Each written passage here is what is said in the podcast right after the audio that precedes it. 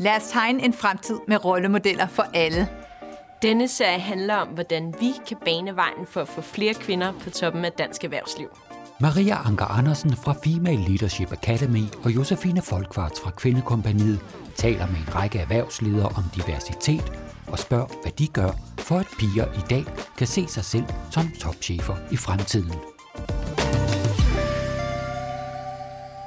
I dag er jeg, Josefine Folkvarts, taget en tur til Rådhuspladsen i København for at snakke med administrerende direktør for Dansk Industri, Lars Sandal Sørensen. Velkommen til dig, Lars. Tak lige måde. Dansk Industri er jo Danmarks største arbejdsgiver og erhvervsorganisation. I repræsenterer over 18.000 små og store virksomheder, og derudover har I valgt at gå forrest i kampen for mere diversitet i det danske erhvervsliv. Hvorfor det? Åh, oh, det er der mange gode grunde til, ikke også? Øh, men, men først kan man sige, at der er en hel masse rationelle gode grunde til det. Altså, vi går glip af kolossalt meget talent, dygtige, kvalificerede mennesker, der ikke er de rigtige steder på det rigtige tidspunkt. Vi har brug for al den arbejdskraft og al den innovationskraft, vi overhovedet kan få.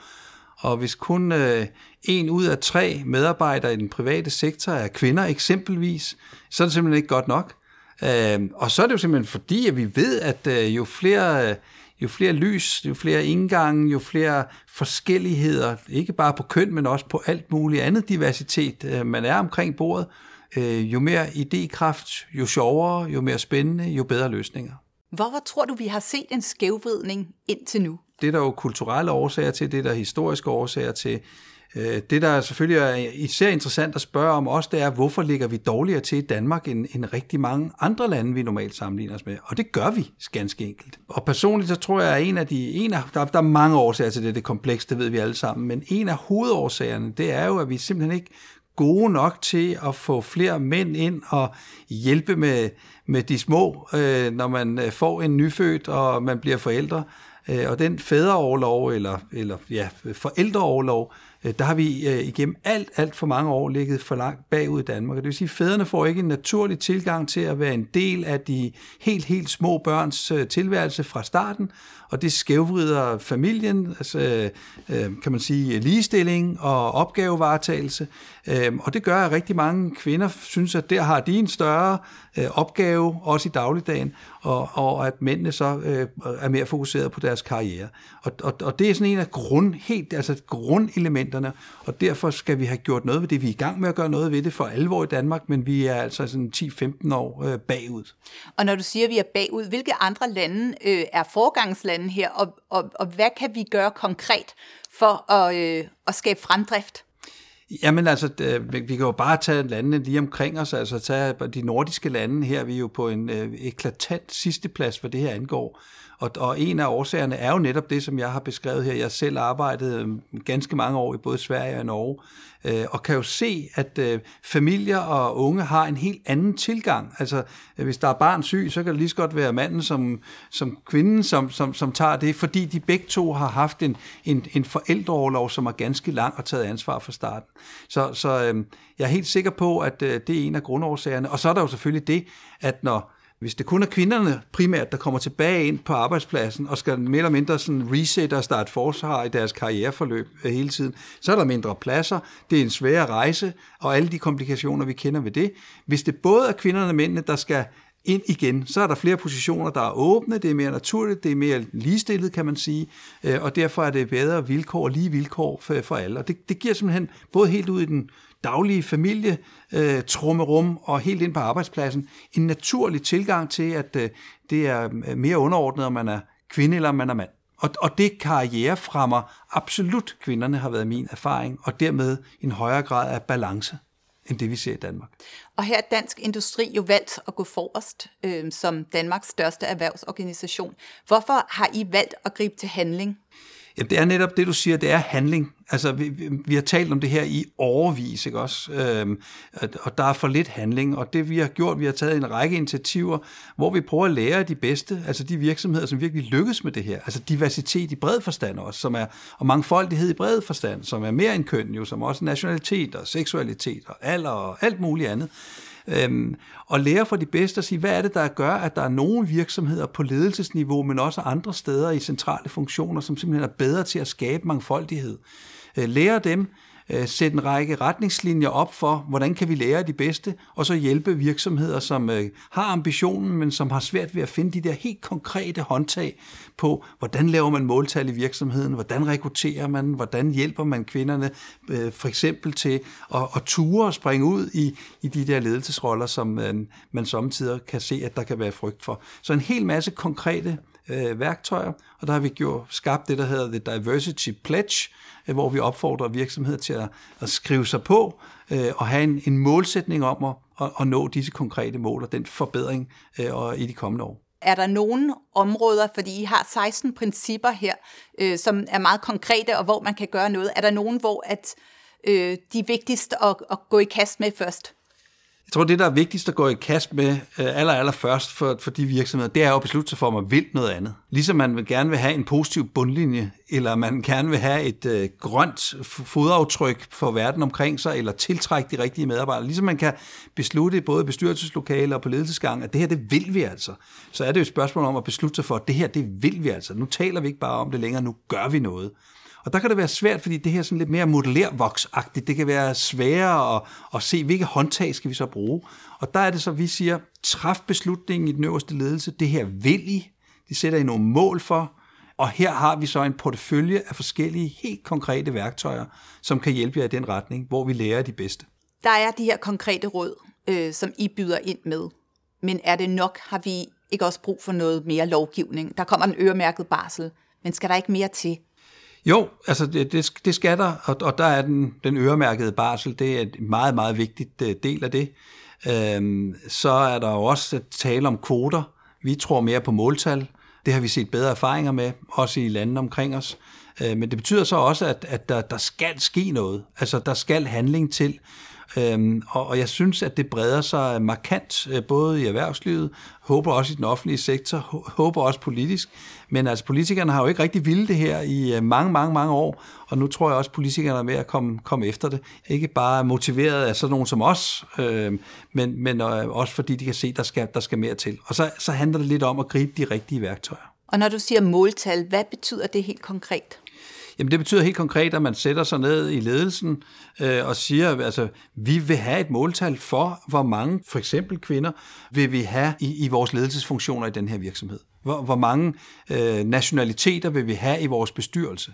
Øh, hvor mange aldersmålsætninger øh, øh skal vi have repræsenteret i vores øverste ledelsesorganer og så videre, så videre. Altså man sætter sig nogle meget specifikke mål for, hvor er det, vi vil hen, og så måler man altså selv på det hele tiden, og så øh, i alle ens aktiviteter, i rekruttering, i opfølgning, i coaching, i medarbejderudvikling, i organisationsudvikling osv., ja, så arbejder man med de måltal i baghovedet.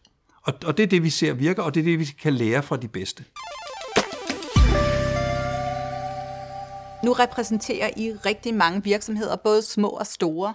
Hvad oplever I af deres hovedudfordringer, når de gerne vil have mere diversitet i virksomheden og på ledelsesgangene? Ved du hvad, det er et godt spørgsmål. Altså hovedudfordringen, hvis jeg måske lige skal hæve mig lidt op i helikopteren, ikke? den er jo mangfoldig, fordi der er jo kæmpe hovedudfordringer i forhold til at håndtere en coronasituation, i forhold til at håndtere en global konkurrencesituation, i forhold til at lave en grøn omstilling, i forhold til at lave en digitalisering af din virksomhed, i forhold til at investere i ny teknologi og i nye produkter.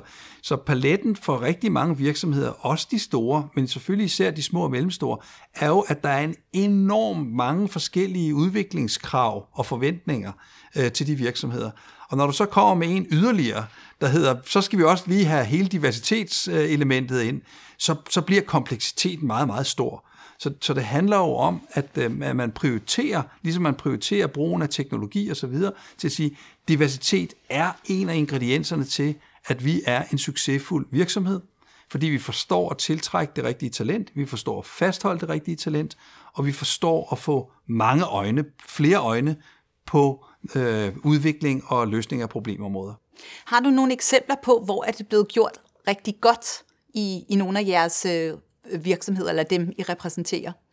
Jamen heldigvis er der rigtig mange gode eksempler på det her øh, rundt omkring.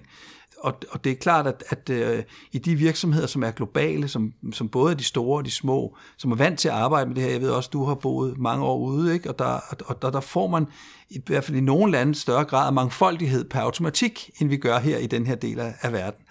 Og derfor så internationale organisationer, der, der er det, kan man se, at der er man simpelthen mere vant til at arbejde med diversitet, øh, etnisk diversitet, øh, kønsdiversitet osv. Og så er der jo den der, kan man sige, ubevidste bias, øh, som vi også, øh, selvom vi ikke vil vedkende det alle sammen, så alligevel alle sammen går rundt med. Og, og den synes jeg, man er bedre til, også øh, ja, typisk i, i, i flere anglosaksiske lande, til at håndtere og, og i hvert fald tale om. Øh, men der er en række virksomheder, der er skrabt til det her.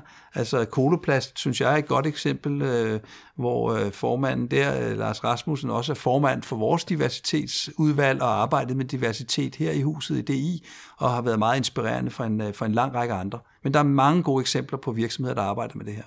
I forhold til dig, var der en eye-opener på et tidspunkt, eller et, en aha-oplevelse, der gjorde, at du tænkte, nu vil jeg gribe til handling. Der skal gøres noget inden for det her område. Vi gør det ikke godt nok i Danmark.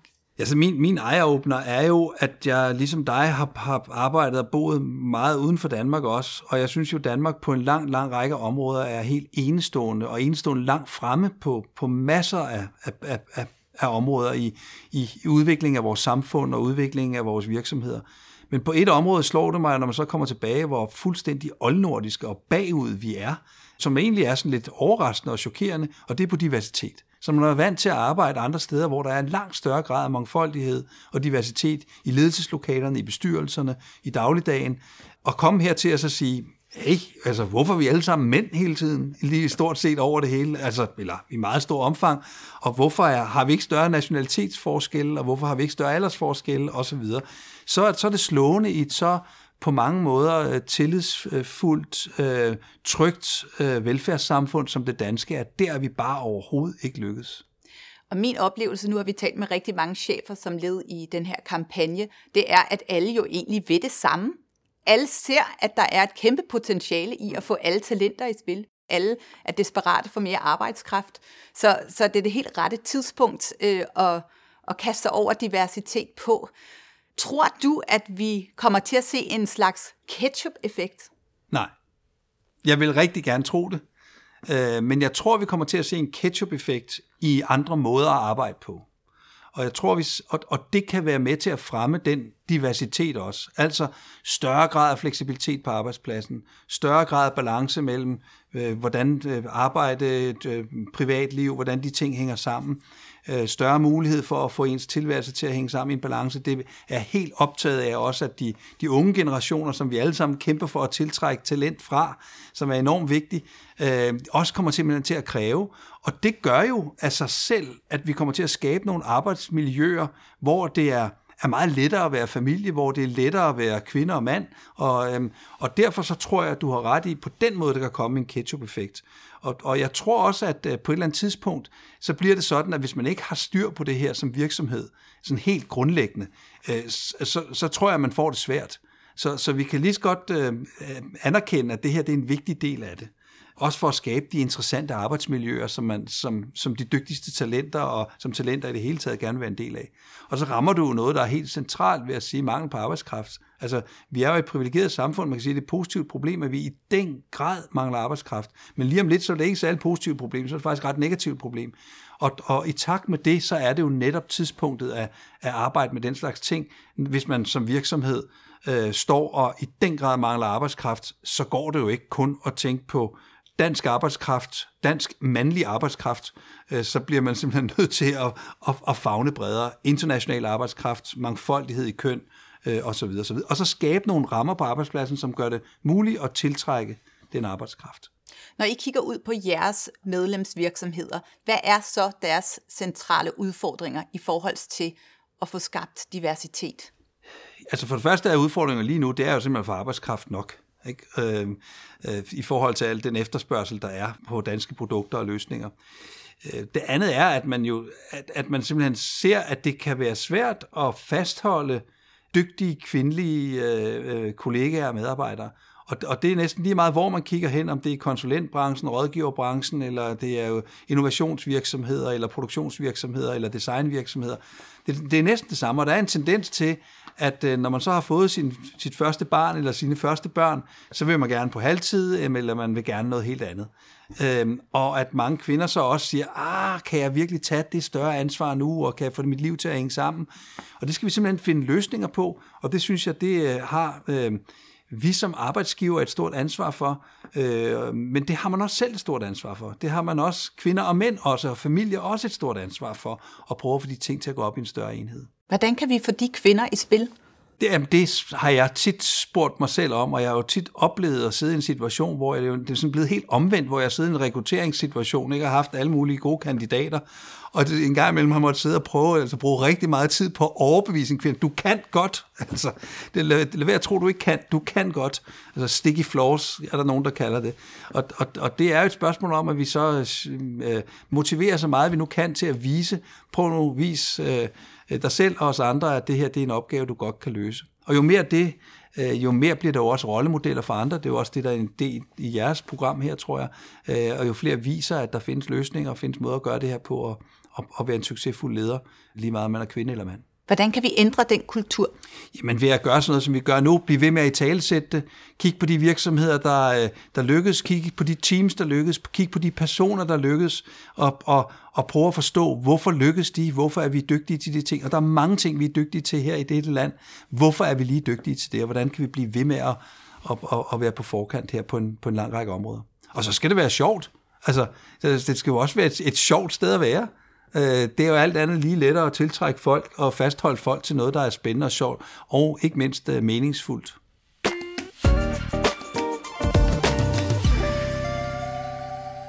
Hvad gør diversitet egentlig for bundlinjen, hvis vi kigger helt nøgternt på det?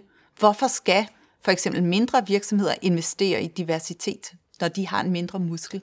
Altså, der er jo et hav af studier i det her, der er et hav af anekdoter om det her, ikke? men i bund og grund, så skal man jo tro på, at flere forskellige slags øjne kommer til flere gode resultater og flere gode løsninger. Altså svært er det ikke. Og tror man oprigtigt på det, så ser du også over tid, at der er en grund til, at der er nogen, der bare rammer mere rigtigt. Fordi vi har du flere. Og, og en af grundene, hun skal gøre det for langhåret, så verden er bare blevet betydeligt mere kompleks. Verden er kompleks, og, og forskellene i alder og diversitet og nationalitet i verden i dag er virkelig mangfoldige og komplekse. Og hvis du er en global virksomhed, så bliver du nødt til at have den mangfoldighed og de lys på, for at kunne skabe de rigtige løsninger, for at kunne skabe de rigtige produkter, for at kunne skabe den rigtige arbejdsplads. Og det kan du altså ikke, hvis vi alle sammen er ens. Øhm, samme alder, samme nationalitet, samme køn, så bliver der altså en ensretning, som ikke skaber den mangfoldighed. Hvis jeg tager øh, de små virksomheders briller på, så vil jeg måske selv som, som chef i, i sådan en virksomhed tænke over, kan, kan fortjenesten måle sig med øh, omkostningerne i forbindelse med barsel? Fordi i og med, at hvis du ansætter flere kvinder, og især på ledelseslagene, hvor de koster mere, så vil der også være mere barsel, som du på en eller anden måde skal håndtere.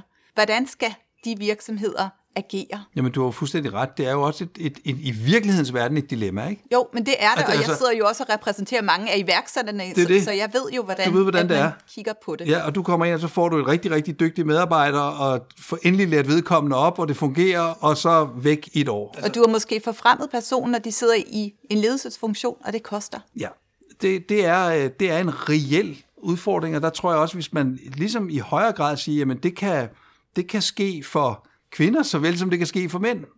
Ikke? Altså hvis der er en mere større grad af ligeværdighed at sige, det er ikke, det er ikke kun kvinder, øh, den situation kan opstå i. Det kan faktisk også til en vis grad øh, og en større grad opstå for mænd.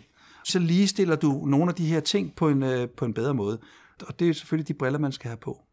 Hvad kan I gøre i Dansk Industri for at, at sørge for, at, at vi ligestiller på den måde? Øh, og arbejder I politisk også, eller prøver I at lægge pres på, politikerne for, at vi på en eller anden måde kan få noget lovgivning, sådan at, at det bliver lettere for virksomhederne, at de ikke selv skal sidde med, med det ansvar, det er at vælge mellem bundlinje og, og ligestilling.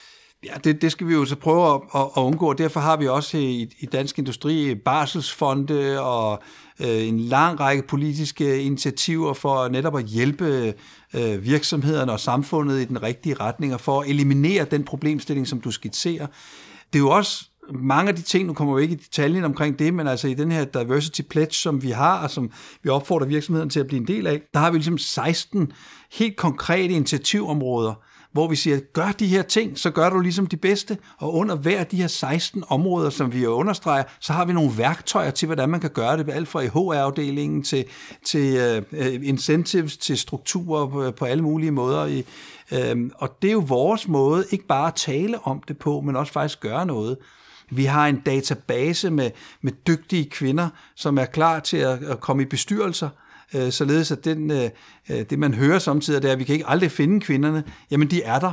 Øh, det kan vi hjælpe med øh, inden for forskellige erhvervsområder osv. Så, så vi gør en række sådan helt konkrete ting for at prøve at, at trække nogle af de der torne ud, som har gjort det svært øh, indtil videre, øh, for at gøre det lettere for at fremme den her udvikling.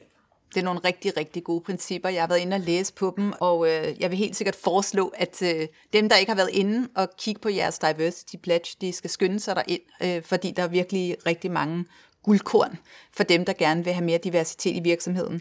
Nu har vi talt en del om diversitet, men inklusion er vel egentlig også vigtigt? Jamen, de to sider øh, kan ikke stå uden hinanden, og, og det, der er virkelig er kernen, det er jo netop, som du siger, det er jo inklusion. Det er jo at føle sig velkommen. Ikke bare at være inviteret, men at føle sig velkommen. Og, og inklusionen er jo også det, der gør, at du skaber et arbejdsmiljø øh, og en interaktion, hvor evnen til at løse ting, finde på ting, hitte på ting sammen, bliver virkelig styrket. Så hvis du er inkluderet, og der er en inklusionskultur, så har du også evnen til at samarbejde på en helt anden måde. Og i dagens verden, hvor konkurrencen er så skærpet, så er det så vigtigt at kunne interagere med rigtig mange forskellige kompetencer. Så en ting er at have din faglige kompetence eller dit ståsted, men evnen til at kunne løse ting sammen med andre, med en social forståelse og en social intelligens, det er jo de virksomheder, det er de innovationsmiljøer, som virkelig lykkes. Og derfor er inklusion og den sociale øh, respekt, den sociale forståelse, Øh, nysgerrighed er så afgørende fra de helt store virksomheder til de helt bitte små virksomheder. Det er en meget stor del af råstoffet for at skabe den rigtige, sunde kultur, som man også har lyst til at være en del af, hvad end man er kvinde eller mand, eller fra den ene eller den anden nationalitet, øh, og den ene eller den anden baggrund.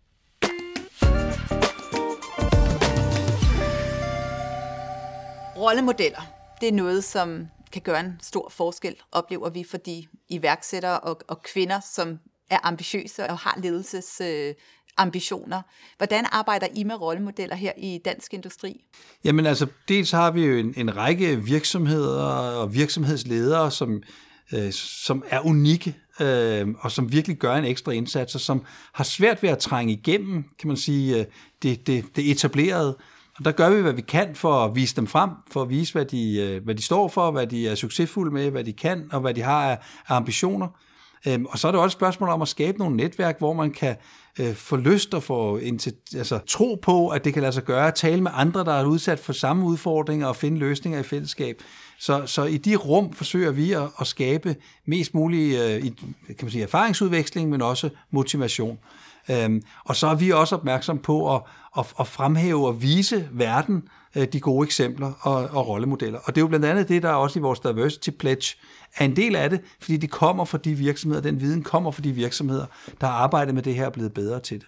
Nu vil jeg lige høre dig. Mange virksomheder, de har jo svært ved at holde på deres kvindelige talenter. Og nu har jeg hørt derude, at der også er nogen, der er bekymret for faktisk at deres kvindelige topchefer agerer rollemodeller i i medierne for eksempel, eller deltage i talentprogrammer, fordi de simpelthen er bange for at miste dem. Er det noget, du oplever, og vi kan gøre noget ved? Altså, det, det er også noget, jeg oplever, og jeg, og jeg ved jo, at de øh, relativt få kvinder, der hele tiden bliver brugt som rollemodeller, de bliver jo også fuldstændig bombarderet øh, med tilbud øh, i bestyrelser og på ledelsesgang osv. Så, videre. så opgaven er jo at gøre, gøre det bredere, altså få flere rollemodeller, få, få, få lys på flere og det er jo blandt andet nogle af de initiativer, vi også tager her i huset med at have databaser, med at, at bringe flere kvinder i spil, øh, således at man kan se øh, at, at muligheden til stede. Øh, den store udfordring er stadig, og det ved man jo så både fra headhunter og fra egne erfaringer, at øh, samtidig, når du har identificeret de, de dygtige kvinder, der er, også uden for de normale rollemodeller, så kræver det altså virkelig en indsats for at, at overbevise dem om at, at ture. Øh, så jeg synes, der er en rigtig god tendens. Jeg synes, vi ser flere og flere stå frem, og, øhm, og, og det er der generelt behov for. Og jeg kan sige, at det hele taget i erhvervslivet, både kvinder og mænd, øh, har jo samtidig svært ved at stille sig for meget frem, fordi samtidig så, så står man, lever man hellere i det skjulte. Så det er jo sådan en, en generel udfordring, øh, som der er i erhvervslivet, øh, at komme tur stå frem, øh, både med sine meninger, men også at fortælle historien om, om alle de ting, man faktisk gør.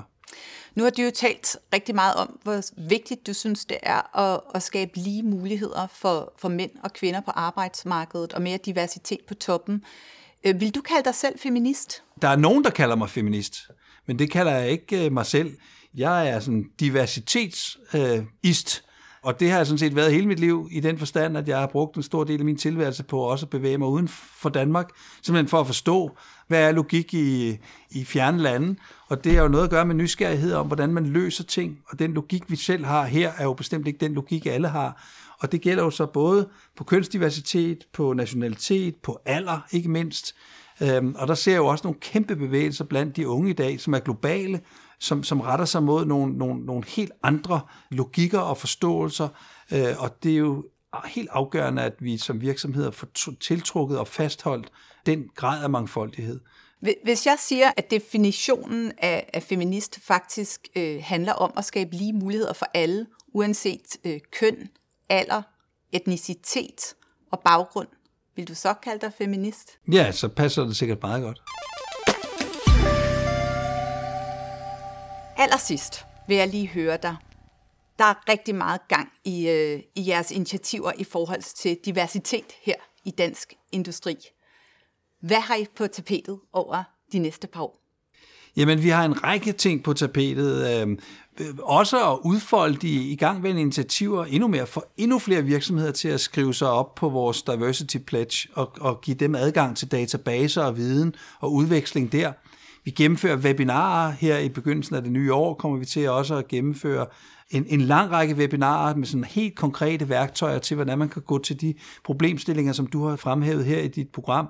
Vi er, vi er blandt virksomhederne i forhold til at skabe netværkene. Vi er ude og finde i, i forhold til kønsdiversiteten flere kvinder, øh, som kan påtage sig roller øh, i, i bestyrelser. Vi er ude og lede efter rollemodellerne, som kan stå frem og forklare, hvad deres øh, oplevelser er. Øh, så det her det er en agenda, som jo ikke bare sådan fra den ene dag til den anden, og så slutter vi med det. Det her det er et langt, sejt træk, hvor vi bliver motiveret af de resultater, der bliver skabt, og øh, vedholdende holder fast i, at det her det er en udvikling, vi, vi ikke skal stå tilbage i Danmark og være dårlige til, som vi er i dag. Vi skal simpelthen blive bedre på den her dagsorden, og det synes jeg, der er en, en god bevægelse i gang omkring, og vi vil gerne tilbyde helt konkrete løsninger og rådgivning og værktøjer, så man kan komme videre, både som virksomhed og som samfund. Det vil jeg glæde mig rigtig meget til at følge med i. Tusind tak, Lars Sandal Sørensen, administrerende direktør i Dansk Industri. Velbekomme. Det var alt for os her fra Dansk Industri i København. Du kan finde mange flere topchef-interviews inde på vores kampagnehjemmeside, som er rollemodeller for alle.dk. Her kan du også gå ind og nominere kvindelige rollemodeller til vores rollemodelsdatabase og være med til at skabe en fremtid med rollemodeller for alle. I har lyttet til et interview i serien, hvor vi sætter fokus på diversitet, rollemodeller og kvinder i ledelse. Serien er en del af kampagnen Rollemodeller for alle, der er lavet i samarbejde mellem Female Leadership Academy og Kvindekompaniet og produceret af Inspire Film. Du kan se mere på hjemmesiden Rollemodeller for alle, hvor du også finder andre interviews. Du kan også deltage i debat på Facebook, Instagram og LinkedIn.